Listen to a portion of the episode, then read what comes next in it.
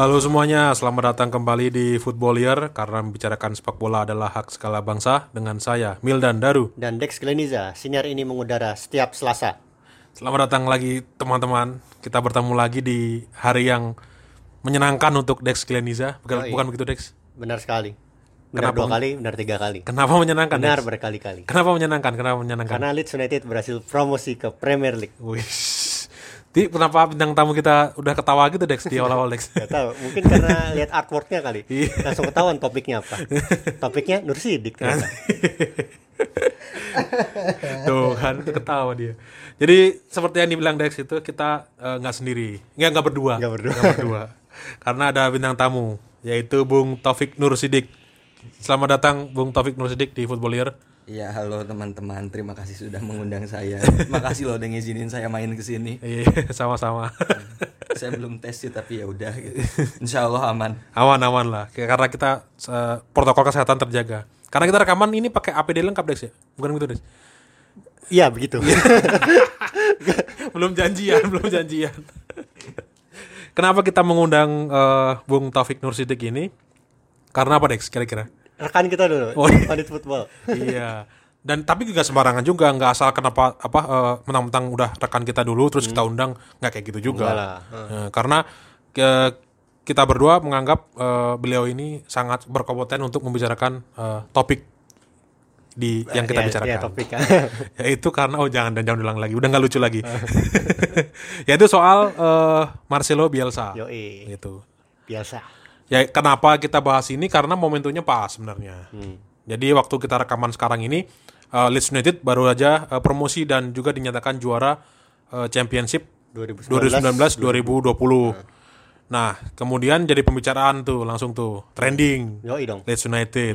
Kenapa trending? Karena udah 16 tahun nggak promosi. Iya, anjir lama banget. Udah lama banget itu. Terakhir kali terdegradasi waktu Arsenal Invincible. Ya. Kebetulan Taufik Nur Sidik ini adalah fans Arsenal. Iya. Katanya sih begitu.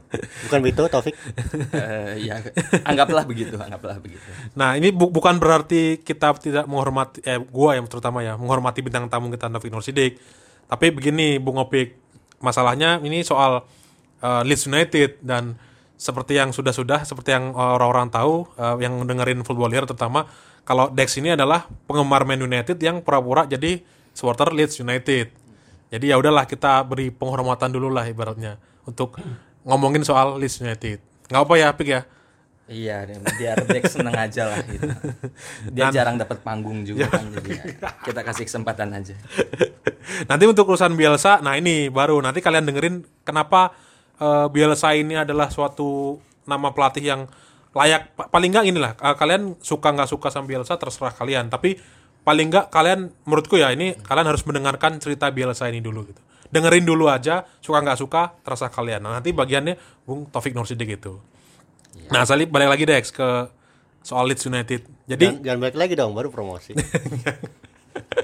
balik lagi ke Premier League kan gue belum belum iya. belum lengkap gimana benar, sih benar. balik lagi ke Premier League jadi kenapa Leeds United promosi eh paling gini dulu deh Eh, lo lo lo jelasin eh, sedikit data fakta soal Leeds United promosi ini Jadi Leeds United itu banyak yang menganggap adalah klub besar. Tapi kalau dilihat dari jumlah gelarnya tiga gelar apa namanya first division tuh oke lah. Masalahnya Leeds itu kalau kita mengenal Premier League dia itu adalah juara terakhir Ah. first division sebelum ganti jadi Premier League. Jadi kalau kalian sekarang apa lihat Premier League itu yang menutup itu adalah Leeds United sebelum akhirnya musim berikutnya ada Premier League. Nah, mereka kan tim gede, cuman udah lama nggak di top flight sejak 16 tahun yang lalu ketika Arsenal Invincible. Itu 16 tahun itu waktu yang sangat-sangat amat menyiksa bagi fans Leeds karena mereka sampai terdegradasi lagi ke League One. Dan mereka juga terdegradasinya karena mismanagement. Jadi kan kalau kita lihat di tahun 2000-an mereka udah sempat ke semifinal Liga Champions kan 2001. Habis itu ayo kita jor-joran di sini.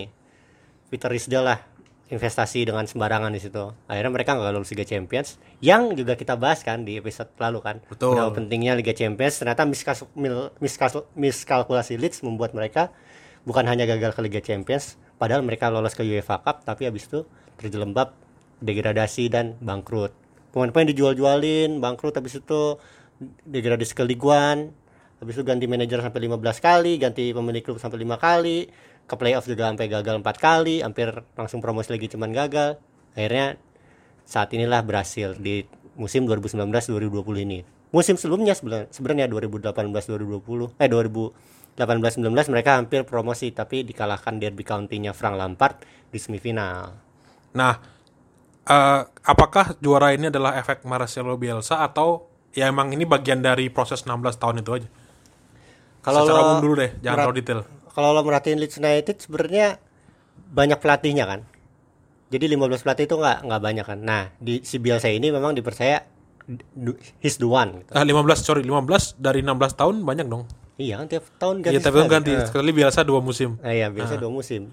Ya maksudnya sebenarnya banyak yang khawatir juga ketika Bielsa gagal kemarin di musim 2018-2019 ini bakal ini nggak bakal lanjut lagi nggak soalnya biasa kan kalau kita lihat jarang dua musim di klub. Kalau di timnas sih sempat. Uh, di Argentina tuh enam tahun di Chile empat tahun kan. Cuman di klub tuh nggak nggak pernah lebih dari dua musim. Nah di Leeds United makanya kayak dikhawatirkan itu. Tapi akhirnya Bielsa mau menandatangani menandatangani kontrak baru akhirnya Leeds United dibawalah ke musim keduanya. Jadi Bielsa itu kalau lo bilang tadi, tadi, pertanyaan balik tadi. iya gara-gara efek Bielsa menurut gua eh, berarti emang ist saya istimewa itu Bielsa. iya Sampai jadi enam- dari 16 tahun sampai harus menunggu seorang Marcelo Bielsa baru kemudian bisa membawa Leeds promosi lagi ke Premier League. yoi gitu Nah. singkatnya Ber- berarti saat sekarang berarti ke Bung Opik, Bung Opik. Bung Opik aja nggak apa-apa ya Pik ya. Bebas ya, mau Bung mau Mang mau AA. Nah, berarti kan istimewa banget dong Bielsa kalau menurut menurut kata Dex tadi.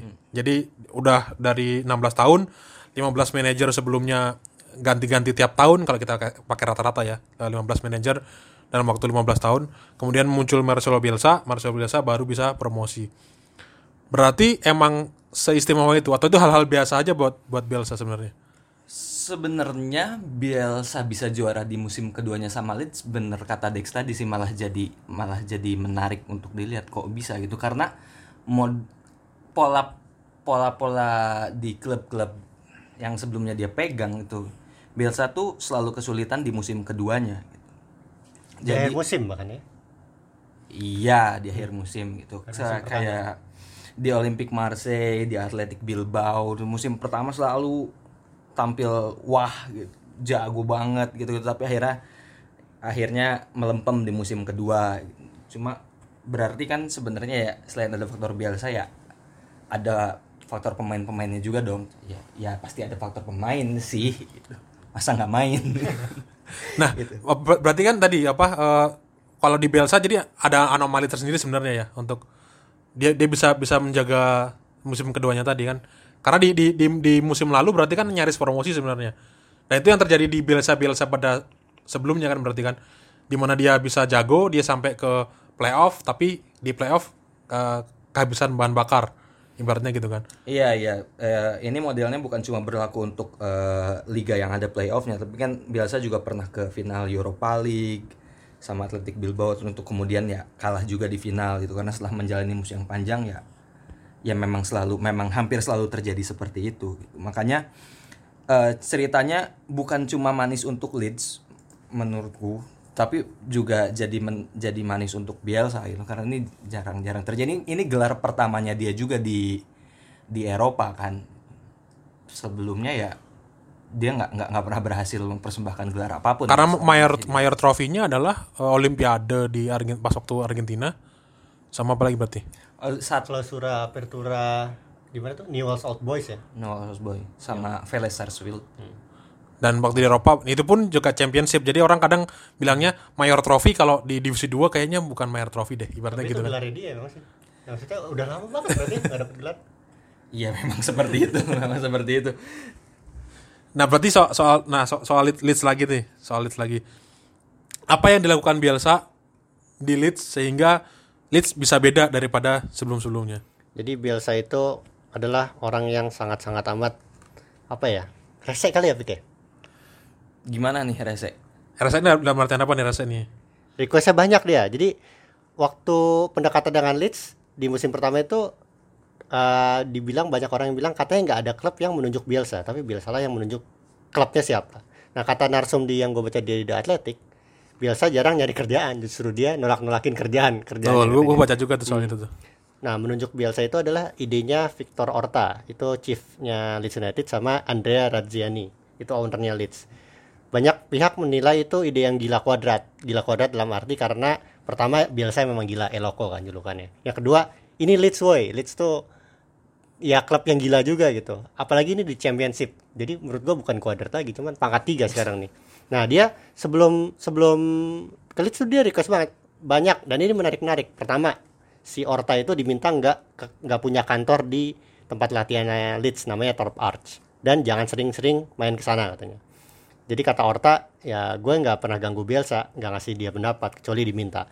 Terus juga bahkan udah mulai resenya dari laga friendly pertama lawan Forest Green Rovers, tim yang apa ya hijau banget ya, apa sih elek yang Iya Forest Green Rovers eh, klub paling ramah lingkungan sedunia.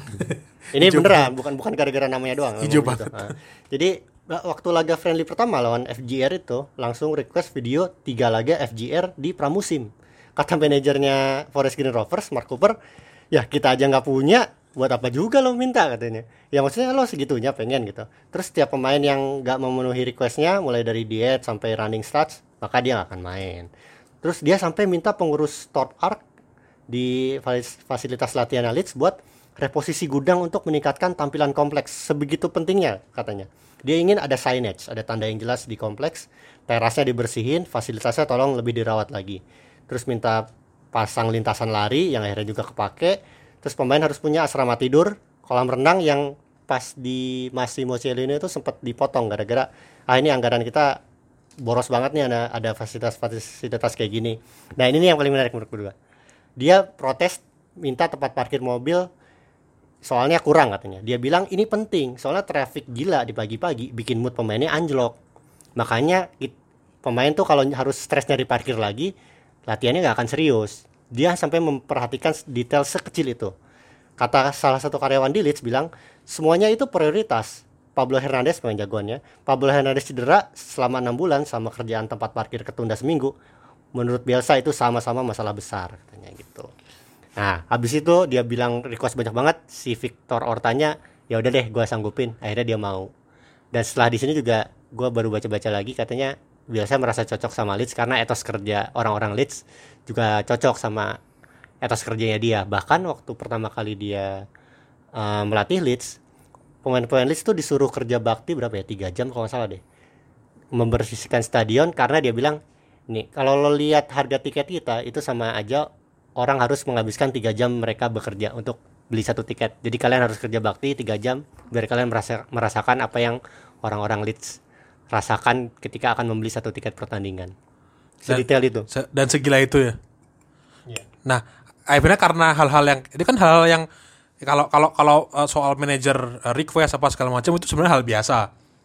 Udah banyak yang melakukannya lah kayak salah satu yang terkenal yang sebelumnya juga Van Hal waktu di Old Trafford uh, eh sorry di, di di Carrington tempat latihannya Man United dia uh, request po- banyak pohon di pinggir-pinggir ini pinggir-pinggir tempat latihan karena uh, untuk mencegah angin. Jadi dia dia ingin uh, ang- anginnya tuh nggak terlalu kenceng. Jadi biar biar kayak kayak di stadion gitu. Uh, anginnya nggak terlalu kenceng sehingga pemainnya bisa latihan. Nah itu kan sebenarnya hal-hal yang teknis ya. Dalam artian oh ya udah kalau kalau pemilik klub uh, dikasih request kayak gitu oh ya ini mah oke lah gitu masuk akal gitu. Nah kayak yang lo sebutin barusan tadi kan beberapa hal kan uh, ya ada sih alasannya sih. Tapi kan apa sih masa urusan parkirnya segala macam gitu Jadi dia memberikan alas- alasan yang jelas sih. Dia juga kegilaan dia waktu itu kan zaman-zaman 2020-an lah ya. Waktu zaman di Argentina tuh dia sampai eh, kalau perkiraan cuaca besok hujan, dia latihannya kita basahin lapangannya. gitu. Supaya permainannya terrefleksikan lah sama latihannya gitu. Bahkan juga dia sebelum ngambil pekerjaan Leeds dia juga udah nonton 51 pertandingan Leeds. Yang satu pertandingannya dianalisis selama 4 jam. dan itu dia memang, memang gila analisis kan. Gila detail lah gitu. Nah balik ke Bung Opik nih. Jadi kata tadi kan udah bilang Dek soal hal-hal detail apa segala macam gitu. Emang berarti lo bisa bisa ambil kesimpulan sedikit aja soal soal apa eh, detailnya tadi itu? Sejago itu ya sebenarnya Bielsa atau sedetail itu atau ya emang sesuai julukannya emang ya gila aja dah dia gitu. Iya, memang segila itu sih. Satu hal yang berulang kali eh, diungkit mengenai cerita soal Bielsa di mana-mana gitu ya, ya bagaimana dia sangat-sangat eh, memperhatikan segala detail gitu, sampai sampai hal-hal terkecil dan dia menyis dia tuh menyisihkan banyak waktu gitu eh, untuk untuk menganalisis, untuk nonton video gitu-gitu. eh selevel gitu eh selevel buat dia tuh ini hal ini hal-hal yang wajar, ini hal yang normal, ini perlu dan sewajarnya dilakukan. Bielsa eh, ketika dia di ketika dia di diingatkan oleh orang-orang eh, dipertanyakan etos kerjanya kok kok mau sih gitu sampai ngabisin berjam-jam gitu untuk menganalisis video sampai sampai nonton puluhan video gitu-gitu dia malah nanya balik kok kalian nggak begitu karena buat dia itu normal makanya ya ya agak- ya masuk akal kalau orang-orang bilang dia emang gila sih karena memang seperti itu Ada juga lo tahu Spygate nggak? Nah, itu sk- skandal itu tadi. Ah, itu juga itu juga benar-benar menunjukin betapa gilanya dia. Jadi dia itu kedapatan memata-matai Derby County kan, latihan kan pada musim 2018-2019. Ah, jadi dia bilang sih ah, apa namanya? Emang dia dia tuh ngirim ngirim dua orang itu yang dibayar pakai duitnya sendiri, bukan duit klub, buat mengurangi kekhawatiran dia aja. Sebenarnya dia tuh udah punya database Derby County udah banyak katanya. Jadi sorry, gue potong. Jadi bu- buat yang belum tahu, eh, jadi di 2018-2019 tuh Bielsa dan Leeds, terutama Bielsa ya, itu eh, terkena masalah. Sempat dilaporkan juga kan Ya. kasusnya ini, yaitu karena si Bielsa ini memata-matai, Dua staffnya sih sebenarnya bukan biasanya. ya suruhan Bielsa untuk memata-matai lawannya Pergok. uh, kebergok. Bahkan di- sampai dibikin gimmick tuh yang waktu promosi di 2019-2020 ini. Eh, pe- pose teropong semua. Eh, pose teropong semua pakai pose teropong gitu karena nganggapnya eh gue gue bisa ini nih bisa promosi karena gue mau mata-matai kan gitu nah, jadi, jadi apa yang terjadi di waktu itu Jadi waktu itu dia langsung biasanya kan orang ngeles atau enggak. Ya pokoknya banyak ngeles kalau enggak menolak kayak Din- enggak, gua denial lah, enggak." Eh, denial lah. denial gitu. Ternyata dia habis itu bikin konferensi pers di tempat latihan Leeds. Dia du- selama dua jam presentasi pakai PowerPoint dan spreadsheet menjelaskan secara detail gimana caranya yang melakukan pengamatan kepada tim lawan. Dia bilang dari setiap lawan kami menyaksikan semua pertandingan mereka pada musim sebelumnya. Kami sampai nonton 51 pertandingan Derby County. Analisis setiap laga membutuhkan 4 jam kerja. Mengapa kami melakukan itu? Karena itu adalah apa yang dilakukan profesional. Seperti yang tadi lo bilang gitu.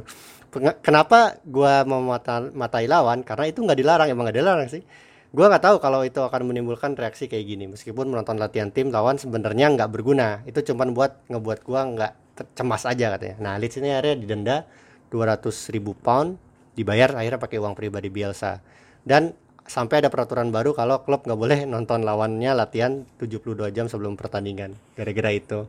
Nah di konferensi pers itu Bielsa ngejelasin tuh gimana cara gua analisis database apa aja. Nih pemain derby yang bahaya siapa aja. Bahkan dia lebih tahu pemain derby daripada Frank Lampard sendiri gitu. Di situlah orang-orang yang tadinya skeptis jadi wah gila nih orang emang emang beneran gila je- jenius gitu lah Dan- data data banget. Dan kalau tadi lagi-lagi eh, berdasarkan apa yang lo bicara tadi Dex kayaknya bakal ba- sepertinya sih kayaknya bakal banyak yang sepakat nih soal dan kalaupun mereka baru tahu Bielsa siapa ini mereka langsung anjir emang segitunya anjir segitunya gitu.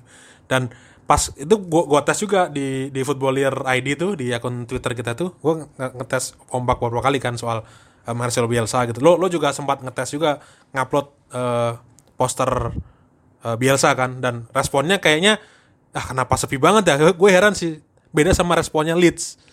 Ketika Leeds Iya, Leeds semua orang promosi. nge-hype nge-hype nge-hype Bielsa oh kenapa dikit? Gitu. Padahal di prediksi gue adalah harusnya orang lebih eh, gila ke Bielsa daripada Leeds-nya. Bener bener bahkan rekan lo bilang Bielsa ini eh, ini dianggapnya apa? Di podcastnya Apa? Eh, lebay lebay hype kepada Bielsa sih. overhype Ah, Bielsa overhype, gitu. ah. Tapi kalau denger cerita tadi barusan Hmm. yang dibilang si Oma Opik sama Dex, harusnya sih kita semua sepakat bahwa manajer mana lagi yang segila ini gitu. Hmm, ini kan timeless ya Heeh. topiknya. Jadi kalau menurut gua kita ngomong ngo- ngobrol lagi aja lah. Kira-kira tiga bulan lagi lah gitu. Oh boleh boleh boleh. Nanti apa yang terjadi dengan yang terjadi tiga bulan lagi ya. Nah kemudian pertanyaannya adalah eh, kenapa orang-orang nggak nge-hype sama Bielsa ini padahal segila itu nah itu kan jadi pertanyaan pik. Emang apakah karena eh, prestasinya yang ya kita tahu Mayer trofinya tadi cuman cuman dikit nggak nggak nggak segila apa yang dilakukannya gitu. Cuman ya 4 atau 5 dan itu pun eh bukan yang trofi liga liga Eropa ya top top 5 Eropa bukan trofi champion bukan trofi eh, Piala Dunia bahkan gitu. Nah itu kan berarti kan menunjukkan eh, emang orang nggak nggak nggak nggak tahu itu soal Bielsa. Berarti Bielsa ini sebenarnya eh selevel apa sih umumnya tuh? Apakah ya emang modelnya kayak gitu jago atau kayak gimana? Eh, aduh ini ada kesempatan. definisinya. Ini ada kesempatan aku nggak mau lewatin. Aku mau jawab kayak biasa jawab kok bisa gitu kalian kayak gitu? Kok bisa kalian nggak tahu Bielsa? Kok bisa kalian nggak tahu Bielsa? Semacam itulah Jadi le- levelnya siapa nih kalau lo bisa deskripsikannya? Apa yang terjadi dengan Bielsa? Kenapa dengan hal-hal yang segila tadi, tapi ya orang or- orang tahu Ranieri karena dia bisa membawa Leicester juara Premier League secara cara mengejutkan. Menurut gue sih kayaknya lebih populer Ranieri bahkan di era di era Premier League sekarang daripada Bielsa. Gue balik nanya deh. Tahu Guardiola nggak lo? Iya dong, tahu Tahu dong. Pochettino nggak lo? Tahu. Nah, silakan Pik lanjutkan. Ada bridgingnya, ada bridging. ada asisnya makasih loh Enggak maksudnya eh ya pertanyaan tadi eh, serius sekaligus bercanda sih tapi memang sewajarnya em, ya sebenarnya nggak terlalu mengagetkan kalau orang tuh masih bertanya-tanya kok biasa se-hype ini karena ya eh, itu tadi dia pertama dia eh, dia nggak pernah banget gitu dia nggak pernah ngelatih di divisi utama Liga Inggris itu kan. Sementara eh, cakupan Liga Inggris tuh luas banget. Terbesar Terus di dunia terbesar di dunia gitu. Terus ka- iya seianya pun Bielsa pernah melatih di eh, Spanyol tuh juga eh, itu melatih klub yang dalam tanda kutip cuma sekelas Atletic Bilbao gitu. Terus eh, dia ke Prancis juga ngelatih Marseille yang lagi yang yang sebenarnya masa kemasannya udah lewat gitu. Lagi re- lagi redup-redupnya belum lewat banget sih belum mati apa gimana gitu. Terus habis itu ke Lille jadi ya sampai batas tertentu ya wajar orang masih pertanyaan kok siapa sih Bielsa? gitu. Tapi ya eh oh terus eh, soal Bielsa juga dia memang memang picky kan soal soal soal tim yang soal tim yang mau dia latih gitu Karena tadi udah dibilang Dex yang tadi kan di awal-awal soal Dex Bielsa nol- nolakin kerjaan bahkan gitu. Iya iya karena eh, Bielsa ini kan sosok yang sangat-sangat romantik ya entah dalam permainan juga dalam kehidupan. Jadi dia nggak nggak sembarang ngambil kerjaan cuma karena oh ini loh gitu. Ini ada kerjaan nih gajinya segini targetnya KPI-nya ini ya itu tolong dipenuhi gitu. Enggak dia dia harus merasa punya ikatan dulu bukan cuma sama klubnya tapi sama kotanya. Makanya makanya di Leeds juga dia eh, minta pemainnya sampai eh, kerja kerja bakti eh, sampai berapa jam gitu untuk untuk eh, mengajarkan kepada pemainnya bahwa ini loh yang dialami yang dialami kebanyakan supporter kita biar biar pemainnya tuh nggak berjarak sama kenyataan kotanya gitu loh Hmm, dan berarti kalau apa bisa disimpulin dikit ya emang belum dapat spotlight aja sebenarnya atau gimana? sebelum dapat spotlight iya gitu karena belum ya ya itu tadi gitu Masih masih klub-klubnya yang Masih dilatih klub- juga segitu-gitu aja. klubnya ya kecil gitu dan- waktu waktu ngelatih Bilbao juga kan oke yang yang tahu banget siapa sih gitu ya paling orang-orang yang ngikutin Ngalahin MU loh. Nah itu dia yang orang-orang yang orang-orang yang ngikutin Liga Spanyol terus sempat jadi namanya ramai banget pas ngalahin MU di Europa, Europa League. League. Tapi habis itu kan redup lagi gitu karena ya ya klub klub-klub yang dia pegang juga basis supporternya di luar negaranya sendiri nggak se- nggak sebesar itu. Nah, ap- apa apa kemudian yang kira-kira yang jadi pertimbangan klub-klub besar tadi eh, untuk tidak eh, merekrut Bielsa menurut kalian berdua? A- apa faktor yang faktor utama? Karena tadi padahal Rese lah. Bi- Bi- Bielsa kan eh, pelatih senior kan, Wah, usianya udah eh, 60 berapa sih? 65. 65. 65 pas kita rekaman 65 nih. Iya dan eh, Boba bukan pelatih muda kalau pelatih muda wajar dia belum dapat spotlight tuh. Dia udah udah senior dan gila-gila tadi tuh tapi belum dapat spotlight di tim gede karena Ya rese aja. Dia pernah kerja di Lazio dua hari doang kan. Gara-gara direcokin sama sama pemilik klubnya kayak ah ini nggak sesuai dengan perjanjian awal nih gua nggak jadilah gitu ya gua ba- gua mesti bayar denda ya udah gua bayar gitu Da- da- masalah. daripada Nah. daripada kena kegilaan-kegilaan bahkan dia. di Leeds juga dia nge-hire tim analis sendiri bukan digaji sama Leeds digaji sama Bielsa tim analis tuh ya segila itu Bielsa makanya orang-orang mungkin pada malas kali ya terus juga apa ya mungkin ini kali apa ya ya udah tua aja kali ya Ya udah tua bisa jadi pertimbangan sih, cuma kan tuh nggak berlaku sama siapa tadi? Ranieri lah, Mourinho juga udah mulai tua. Cuma gini, eh klub-klub klub-klub besar tuh terlalu takut sih kayaknya ambil risiko untuk eh, untuk untuk nunjuk Bielsa sebagai pelatih. Karena mau nggak mau gitu eh, eh, klub-klub besar tuh harus sangat-sangat eh, result oriented. Sementara Bielsa bukan orang seperti itu. Dia sangat-sangat proses oriented gitu. Bahwa pada akhirnya eh, bahwa pada akhirnya dia sukses itu tuh harus ngikutin detail-detail yang dia tentukan sendiri nih caranya harus gini gini gini gini pokoknya dia punya punya punya cara yang saklek untuk menang gitu dan dan dan itu tuh nggak nggak bisa langsung dicapai dalam se- sebulan dua bulan gitu. loh. Nah, kira, jadi jadi karena karena itu tadi ya faktor-faktornya yang kemudian ya udah klub-klub klub gede nggak nggak mau hire dia gitu. Dan kalau di pre- apa eh, Leeds sekarang di Premier League menurut gue sih kesempatan besar banget nih orang-orang tahu apa itu Bielsa gitu. siapa itu Bielsa ya Iya siapa itu Bielsa segala macam dan di cerita-ceritanya gitu karena apalagi media Inggris gitu. Oh udah ada gorengan Iya, dikit aja, waduh. Nah ini Bielsa juga sebenarnya dia bilang dia nggak suka ngomong, ngomong ke media sih.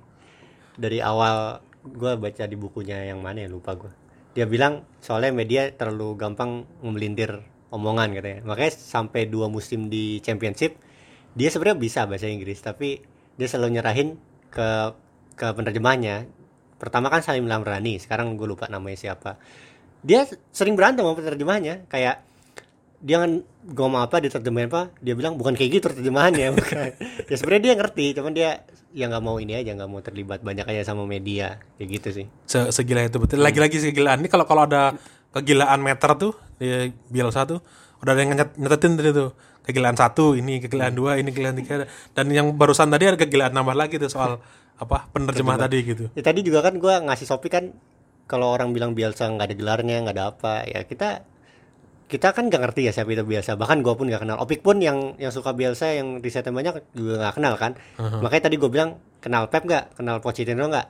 Ya Pep sendiri sama Pochettino punya punya komentar yang sangat-sangat amat baik buat Bielsa. Apa sih Pik? Gue lupa deh Nah, eh, sorry, nah, nah, itu itu juga yang dipakai sama eh, media-media banyak soal profil Bielsa. Jadi ketika lo nyari siapa itu Bielsa, orang selalu bilang gurunya Pep Guardiola. wait sebentar sebenarnya waktu dia mau ke Inggris juga work permitnya kan, kan macet tuh gara-gara dia nggak punya lisensi UEFA jadi butuh uh, surat Rekomendasi. surat rekomendasi yang ngirim siapa ya Guardiola sama Pochettino kenapa itu Jadi ap- apa yang apa yang terjadi dengan pelatih-pelatih lain ke ke Bielsa ini? Kira-kira Pik? Eh,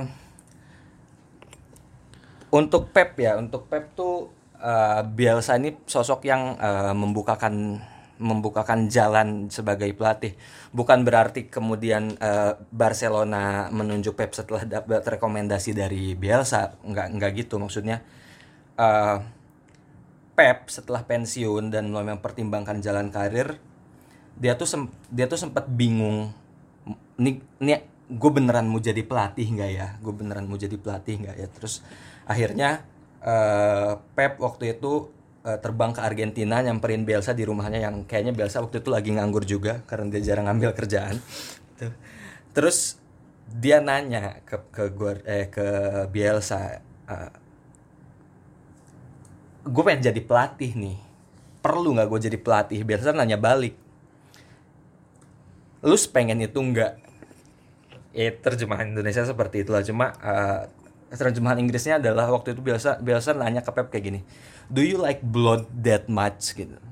Karena banyak yang harus dikorbankan untuk menjadi pelatih top. Akhirnya akhirnya eh, Pep eh, setelah ngobrol panjang lebar soal hidup soal sepak bola ya akhirnya memutuskan untuk jadi pelatih dan selebihnya kita tahu lah.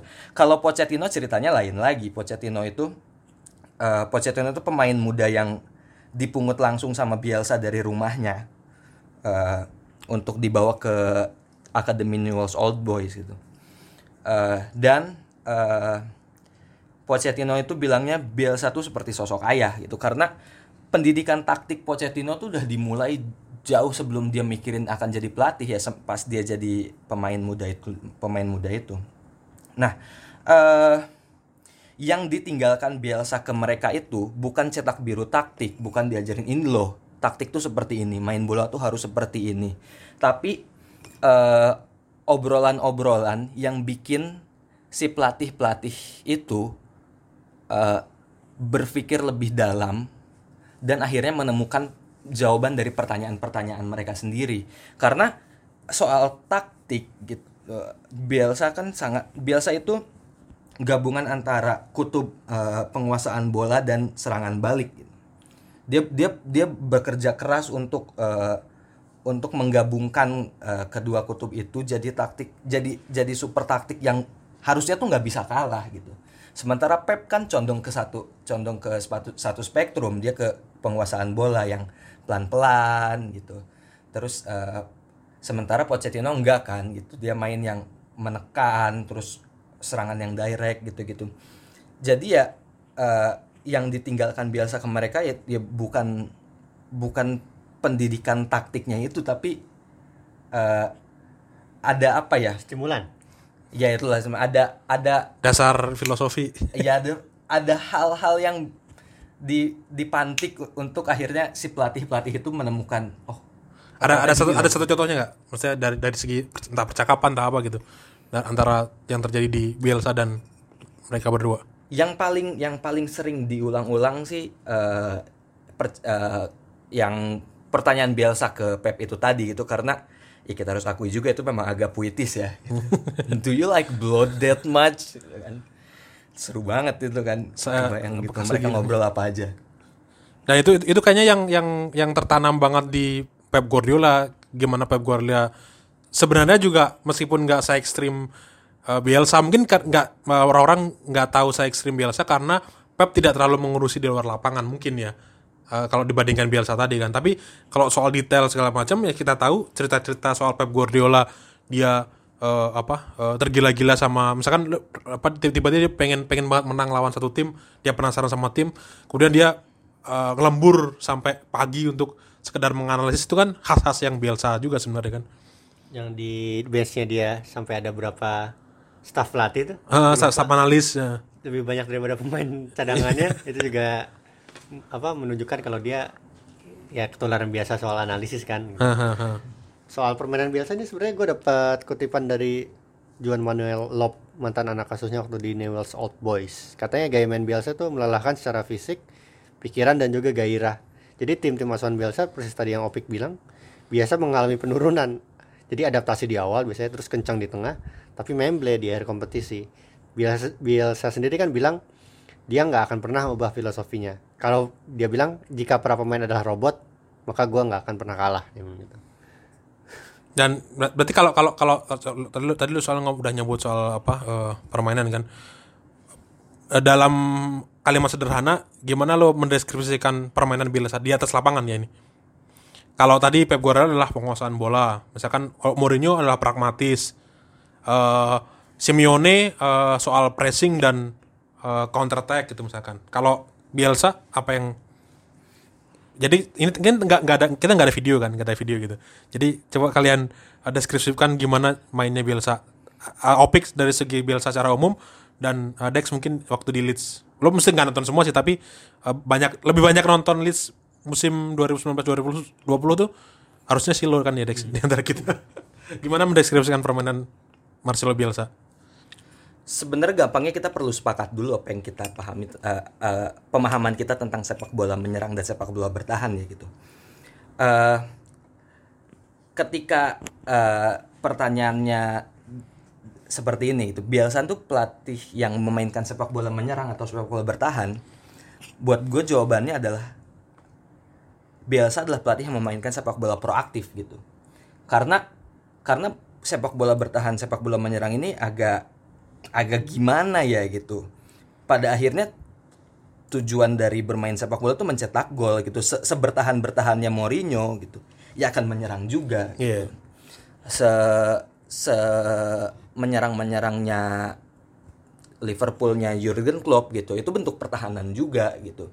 Jadi Kalau deskripsikan ini eh, bentuk permainan ininya, maksudnya dalam artian ya, ya tadi gue bilang deskripsiannya orang-orang tahu oh permainan BL satu ini gitu. Ya jadi gini deh, taruhlah gampangnya eh, eh, spektrum sepak bola eh, penguasaan bola itu bentuknya horizontal dan pelan-pelan gitu kan. Kunci kunci kunci memenangkan pertandingan tuh ada di penguasaan bola. Sementara sepak bola vertikal itu sepak bola serangan baliknya eh, Atletico Madrid lah, timnya Mourinho lah gitu. Bielsa itu berusaha menggabungkan keduanya. Kuncinya tuh ada di lari. Karena sepak bola vertikalnya Bielsa tanpa lari itu ya udah jadi tiki taka. Tanpa tanpa tanpa tanpa operan-operan yang selalu mengarah ke depan. Ya itu jadi uh, ta- tanpa lari-lari yang mengikuti orang operan-operan ke depan itu tuh jadi ya udah itu jadi permainan serangan balik biasa aja gitu. Jadi mulainya gini. Kalau pemain uh, tim-tim yang mengandalkan serangan balik kan mereka bertahan di kedalaman. Terus mereka melakukan serangan yang vertikal gitu. Pokok ke depan, ke depan. Nggak nggak gitu dengan pema- pe- pe- permainan penguasaan bola kan gitu. Kalau ke depan tidak bisa, Oke, udah ke samping, ke belakang, sampai terbuka. Bielsa tidak ingin melakukan itu. Dia menggabungkan keduanya dan menuntut pemainnya terus-terusan berlari. Itu karena dia perlu merebut bola sedekat mungkin dari gawang lawan. Tapi ketika tapi ketika pelu, bola ker, bola terebut dan peluang untuk ke depan nggak ada, dia tuh nggak pengen bolanya ke belakang. Jadi solusinya adalah pemain yang megang bola nahan, pemain lainnya maju. Jadi bola harus selalu ke depan. Itulah kenapa pemain-pemainnya harus terus berlari gitu. Itulah kenapa itu juga kenapa capek banget main buat Bielsa gitu. Dan selalu narasinya itu selalu berulang. Timnya Bielsa kehabisan bensin, kehabisan bensin, kehabisan bensin itu. Dan itu narasi yang apa kemudian berulang. Dan kalau di Leeds musim ini apakah seperti yang dideskripsikan oleh Opik, Dex? Jadi ke- kekhawatiran pertama emang tadi kan, takutnya pemain Leeds nggak pada kuat nih.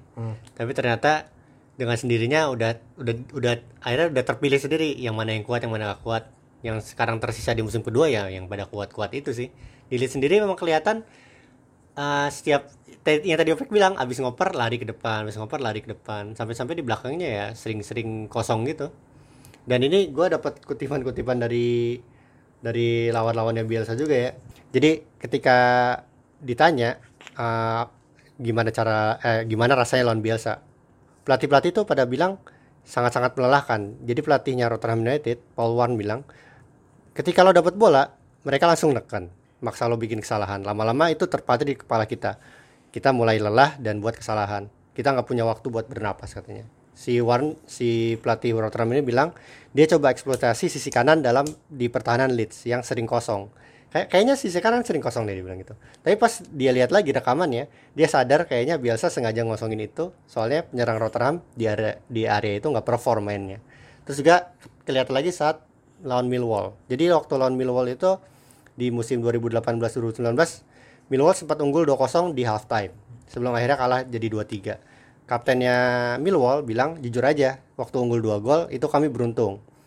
Pas istirahat turun minum kami udah tahu kalau mereka bakal ngejar lagi katanya gitu. Jadi sangat-sangat melelahkan buat bermain lawan Bielsa dan da- kalau di musim pertamanya kelihatan sih pemain-pemain karena belum nyetel sering nggak dapat gitu loh. Tap- Tapi di musim keduanya biasa udah tahu apa apa aja yang yang mesti diimprove karena kalau dilihat dari statistik Leeds United itu penyerangannya paling baik, tembakannya paling paling banyak. Terus juga eh, apa ya? eh, possessionnya juga paling tinggi, bobolannya juga paling sedikit. Jadi formulanya udah ada semua, cuman mereka nggak beruntung aja. Nah di musim kedua ini dia bilang kita harus lebih beruntung lagi, harus lebih klinis lagi, sama jangan ada pemain yang banyak cedera. Akhirnya itu bisa terjadi, makanya Leeds bisa juara championship di musim keduanya. Championship udah lulus tes tuh. Nah, Teng. Nah, lanjut pertanyaan, pertanyaan selanjutnya adalah dengan yang dibilang Ngopik tadi soal gaya gaya bermainan lari, melelahkan dan dengan squad yang ada sekarang dan Nah, itu itu dia yang bikin gua khawatir. Sebenarnya kalau lo lihat pemain-pemain Leeds tuh mirip-mirip ketika Sheffield United itu promosi dari Championship di musim 2018-2019. Nggak ada yang terkenal pemainnya. Hmm. Beda kayak Wolves promosi. Wolves promosi kan udah ada Joe Moutinho, udah ada Ruben Neves. Dan mereka melakukan apa borongan juga kan borongan Oh, Portugal. jago, jago. Cuman waktu Sheffield United sama Leeds United promosi ini gue melihat ini squadnya nih pas-pasan banget. Tapi pemain-pemain itulah pemain-pemain yang memang ditempa oleh Bielsa. Makanya Bielsa itu lebih lebih suka ketika dapat pemain di awal musim karena dia bilang gue bisa nempa dia di pramusim. Dia berkali-kali dapat pemain bagus di tengah musim tapi gak nyetel. Kevin Augustin dari RB Leipzig gak bisa nyetel gara-gara padahal itu bagus. Secara profil tuh udah dianalisis ini pemain cocok main sama lu katanya. Tapi karena butuh adaptasi di tengah musim gak nggak cukup waktunya akhirnya ya keok juga. Makanya pembelian Bielsa paling paling kerasa di awal musim katanya. Itu, itu Dan juga kemungkinan besar di musim depan eh, squad utamanya Leeds sekarang itu jadi core-nya memang. jadi core-nya emang Hmm. penambahan tuh ya udah penambahan aja gitu. penambahan pun gak langsung gak akan langsung nyetel bener-bener bener-bener susah bahkan Messi pun kalau Messi kan sebenarnya kan waktu lagi rekaman ini kan dia lagi bimbang juga kan mau perpanjangan kontrak di Barcelona apa enggak kayaknya bekerja sama Bielsa menarik juga ya. Soalnya pernah ada loan loannya Chelsea ya Pik, ya. Dia rela untuk gak digaji karena untuk bisa bermain sama Bielsa katanya. Karena itu bisa mengimprove si pemain katanya gitu. Tapi banyak yang nggak lulus sih sebenarnya. Dulu tuh seneng seneng banget ketika Bielsa diumumin jadi pelat jadi pelatihnya Marseille. Karena kan memang di Prancis klub yang gue ikutin ya Marseille itu. Nah modelnya ini Bielsa ini eh karena sangat-sangat berorientasi sama proses gitu pemain-pemainnya tuh banyak banget yang dari cemen-cemen jadi pemain jago. Dimitri Payet itu sebelum sebelum Bielsa datang itu cemen. Asli tapi kan setelah Bielsa datang dia main satu musim sama Bielsa terus jadi jago banget kan tuh jadi langganan timnas terus ke Liga Inggris dan di tim eh, Marseille 2014-2015 itu banyak pemain-pemain kayak gitu. Eh, Gianelli Imbula yang akhirnya pindah ke Porto terus eh, Florian Thauvong udah akhirnya pindah ke Newcastle terus si Andre Pierre Gignac gitu. Itu pemain-pemain yang oke lah cukup bagus lah untuk tim papan tengah Prancis tapi setelah satu musim main sama Bielsa itu tuh jadi jadi pemain yang beda sama sekali gitu loh. Selain karena selain karena tempaan fisik yang yang bikin mereka jadi jadi lebih kuat gitu lebih, jadi punya kapasitas yang lebih oke. Mereka juga punya pemahaman taktik. Ya gimana gini deh gimana bisa gitu pemain nggak punya pemahaman taktik kalau latihannya itu ya emang segila itu. Biasa itu model latihannya kayak gini. Dia analisis lawannya. S- biasanya tuh eh, Selasa sama Rabu dia analisis lawannya. Terus udah dia bikinin eh, dia bikinin eh, analisis versi dia. Terus dia kasih PR ke pemain-pemainnya. Kamis Jumat Kamis Jumat itu itu tuh jatuhnya latih tanding. Tapi ada istilah istilah yang menurut gue lebih pas gladi resik. Oke. karena satu tim tim utama yang bakal main itu itu itu main sebagai Olympic Marseille katakanlah tim satunya itu tuh bermain pakai taktik lawan Yang yang di copy sama dia di gitu. copy sama Bielsa sendiri Lo harus main gini gini gitu. gini. dan bu- nggak cuma itu Bielsa tuh nyiapin 120 skenario serangan sama 120 skenario bertahan jadi ketika ketika ini terjadi kalian harus melakukan ini ketika ini terjadi kalian harus untuk untuk mendapatkan hasil ini kalian harus melakukan ini itu loh gladi resik kayak gitu kan ya pemain dihadapin sama model latihan yang seperti itu dengan 120 repetisi gitu kan gimana gimana bisa mereka jadi pemain biasanya kan mau nggak mau mereka pasti jadi paham taktik gitu Iya ya. Dan berarti udah prediksinya di musim depan kira-kira apakah uh, ya lo, lo juga uh, penggemar Premier League juga. Jadi lo ngikutin Premier League di polanya di 3 4 musim terakhir lah gitu. Dan apakah di Leeds sekarang Bielsa itu prediksimu gimana? Leeds dan Bielsanya. Leeds dan Bielsa akan baik-baik aja kalau eh, kalau manajemen Leeds mau nambah kedalaman squad Yang sesuai karena requestnya. karena mau nggak mau eh, sumber kekalahan Bielsa yang sudah-sudah ya pemain-pemainnya sendiri karena karena eh, se- seianya pun gitu dikasih latihan yang pas gitu eh, motivasi terus gini gitu ada batasan yang nggak bisa ada batasan yang nggak bisa mereka tabrak gitu pada akhirnya pemain-pemain Leeds bakal terlalu capek untuk bisa ngikutin ngikutin kemauannya Bielsa gitu bukannya mereka nggak mau gitu tapi nggak ada tenaga buat larinya Lagian eh, mau gimana pun juga cetakan pemain list adalah cetakan pemain championship bukan pemain Premier League kan. Ini juga yang terjadi sebelum Bielsa memperpanjang kontrak di dari musim pertama ke musim kedua.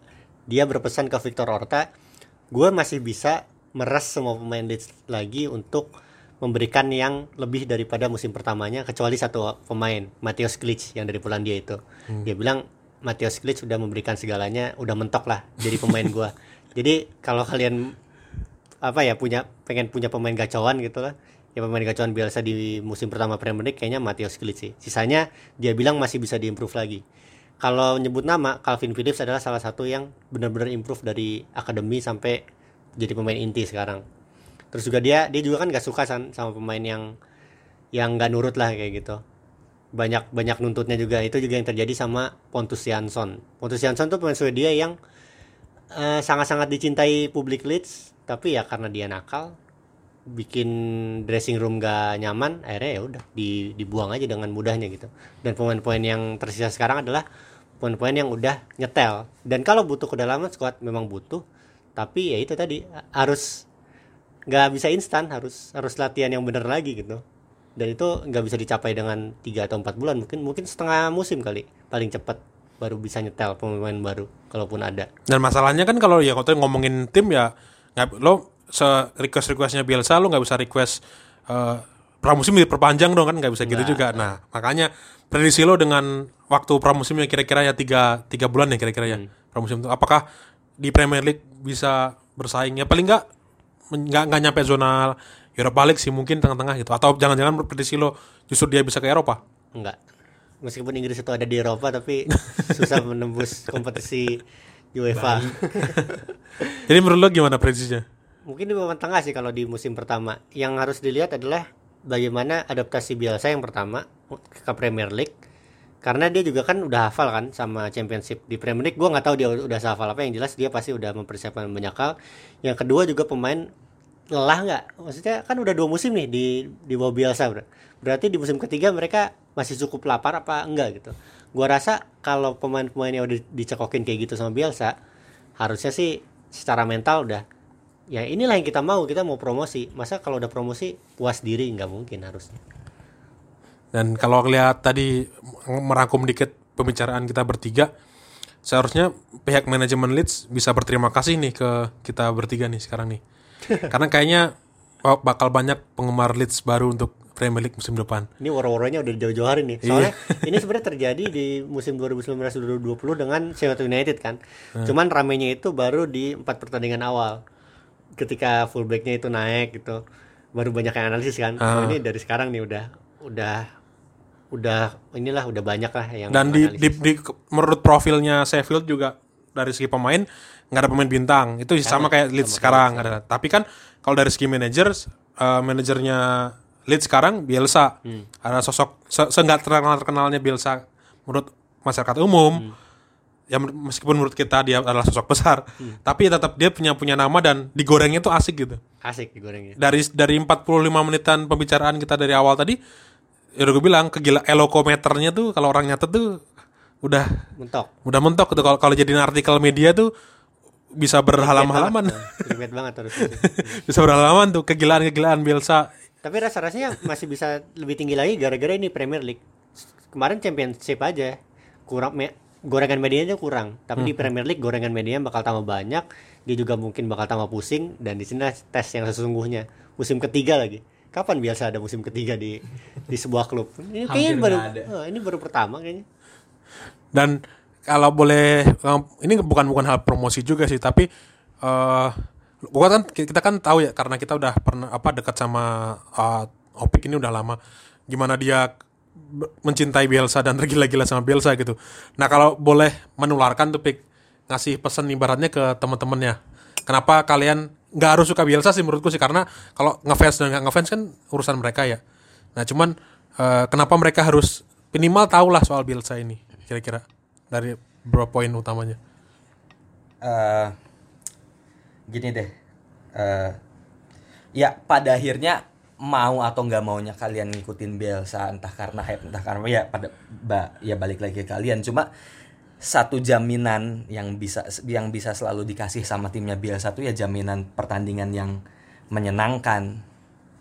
Eh, kalau kalian butuh gol jaminan ada gol banget. Kalau golnya bukan dicip, di, bukan dicetak sama timnya Bielsa ke gawang timnya Bielsa itu hampir pasti ada. Karena memang seterbuka itu gitu. Eh, skor-skor 3-2, 4-3 gitu-gitu tuh ya A- akan sangat mudah terjadi eh, ya. bakal bakal sangat sangat sangat mungkin terjadi lah gitu. Itu kalau memang kalian nyari gol itu kalau memang kalian butuh agak hipster sedikit gitu ya, boleh ikut naik ke The Bielsa train. Gitu. Pokoknya em, apa ya? Jaminan jaminan juara nggak ada. Jaminan perjalanan yang menyenangkan tuh adalah kalau sama Bielsa. Makanya sebenarnya paling enak jadi pemerhati Bielsa adalah untuk tim yang dia nggak suka. Karena ya benar-benar pure mem- menikmati sepak bolanya, bukan emosi ke tim yang dia sukanya. Ya, lo ngerti kan maksudnya? Iya, ya, ya, ya mirip-mirip sebenarnya kalau segi kayak gitu mirip Mourinho sih kalau Mourinho dari tingkah lakunya kan sebenarnya Iya, kan. iya, benar. dari tingkah laku di lapangan lah, komentarnya lah gitu. Eh, banyak orang yang nggak suka Mourinho, Hmm. tapi eh, sulit untuk eh, apa berpaling muka ke nah. ke Mourinho gitu. Seenggak suka sukanya lo sama Mourinho, ketika dia ngoceh aja, lo tungguin gitu. Orang nungguin gitu. Bener, bener. Nah, jadi apa yang terjadi di Bielsa sekarang mungkin mirip-mirip itu ya. Tapi ini lebih lebih lebih luas lagi gitu. Mungkin di jagat yang lebih kecil dari keserian gue di box box Coach Jasin kali ya. Nggak ikutan. Tapi gue udah ini sih Dex. Gue gue ini lagi sebelum take rekaman ini, gue udah dengerin nih rekaman lo uh, di box to box Ya. sama Coach Justin sama Tio. Gue sih bisa jamin ya dari hampir satu jam obrolan kita ini orang ngomong soal Bielsa dan Leeds, gue sih bisa jamin ini lebih layak didengarkan sih daripada box. Sorry sorry nih Dex. Lebih dalam ya. Lebih dalam, lebih lebih lebih ya itu tadi lah lebih dalam soal soal apa Bielsa dan Soalnya kuncinya Let's- satu sih, pemilihan topik yang tepat, yaitu topik Nur Sidik. Nah, iya lo ada, ada lagi yang lo sampein, Pik sama Dex, ada lagi nggak kira-kira soal uh, Bielsa ini? Entah sepatah dua kata, kata atau apa? Murder Ball ya. ya kita ngobrol lagi lah tiga bulan lagi. Tiga bulan lagi, apa yang terjadi? Apakah jadi kemungkinan banyak tadi ya antara Oktober kapan ya? Jangan jangan tiga bulan deh. Eh, November ya. Paling paling cepat November 2020 lah. jadi antara dia tiba-tiba musim apa sorry nggak bisa musim ya pertandingan kedua ketiga tiba-tiba berhenti karena berantem atau apa tapi hal-hal ekstrim akan terjadi ya Pasti. nggak akan terjadi biasa-biasa saja gitu nggak akan terjadi ya. Jadi ketika Leeds main oh ya udah kayak ya tim biasa-biasa aja tuh nggak akan terjadi ya. Enggak. akan akan akan jadi satu hal istimewa berarti ya. Ya udahlah kayaknya sementara segini dulu ya Bung Taufik dan Bung Dex. Oke. terima kasih teman-teman semua sudah mendengarkan dan eh, ada ucapan apa? Selamat apa tadi? Murder ball. Murder Ball. murder ball. Ya, itu ini ya permainan Bielsa. permainan biasa. Dan kita kita tunggulah kiprahnya apakah yang ter- apakah yang terjadi di uh, Premier League musim depan. Dan gue sih kalau ngelihat paparan kalian berdua tadi sih ikut-ikut jadinya yang biasa-biasa saja jadi semangat gitu. Jadinya nganggap Bielsa tadi "Eh, ini nggak nggak ada trofinya ya tapi ternyata ada hal menarik lain yang uh, Bielsa sajikan. Bukan sekedar trofi. Apa nih hipster baru? Hipster baru. Buat musim depan. Iya, dan ini nanti, pasti nanti akan ini nih muncul nih Vincent Index. Biasanya nih Ah. akan muncul orang-orang yang emang ya udah udah tahu Bielsa duluan gitu. Ya elah footballier baru ngebahas Bielsa. Gue udah tahu dari dulu gitu. Terus tiba-tiba ada orang yang suka suka Bielsa tiba-tiba langsung, ah ini gue mah udah tahu Bielsa dari dulu gitu. Komentar gua mantap. ya justru bagus lah. ya udah sekali lagi terima kasih semuanya. Jangan lupa follow Footballier di Twitter dan Instagram di mana Dex. At Footballer ID. Bisa juga follow Twitternya Bung Dex Gilenisa di Dex Ileniza. atau juga Admil dan Daru atau juga bintang tamu kita yang sangat luar biasa pecinta Bielsa At TFNSDQ itu di Twitter atau Instagram sama ya sama Twitter Instagram. jadi kalau kalian pengen tanya-tanya soal Bielsa pengen wawancara atau pengen berharap dan musim depan harusnya sih timeline Bung Taufik Nur Sidik ini akan lebih berwarna kayaknya ya Em, Bielsa banget ya atau enggak itu itu tergantung apa yang terjadi ya tapi untuk sekarang sih agendanya sudah jelas musim ke depan akan nonton Leeds Wes. ya udahlah. nonton Bielsa sih Selamat tinggal semuanya. Eh, terima kasih sudah mendengarkan. Dadah. Ya. dah Ini adalah suara pandit komputer. Terima kasih telah mendengarkan. Jangan lupa share ke teman-teman kalian.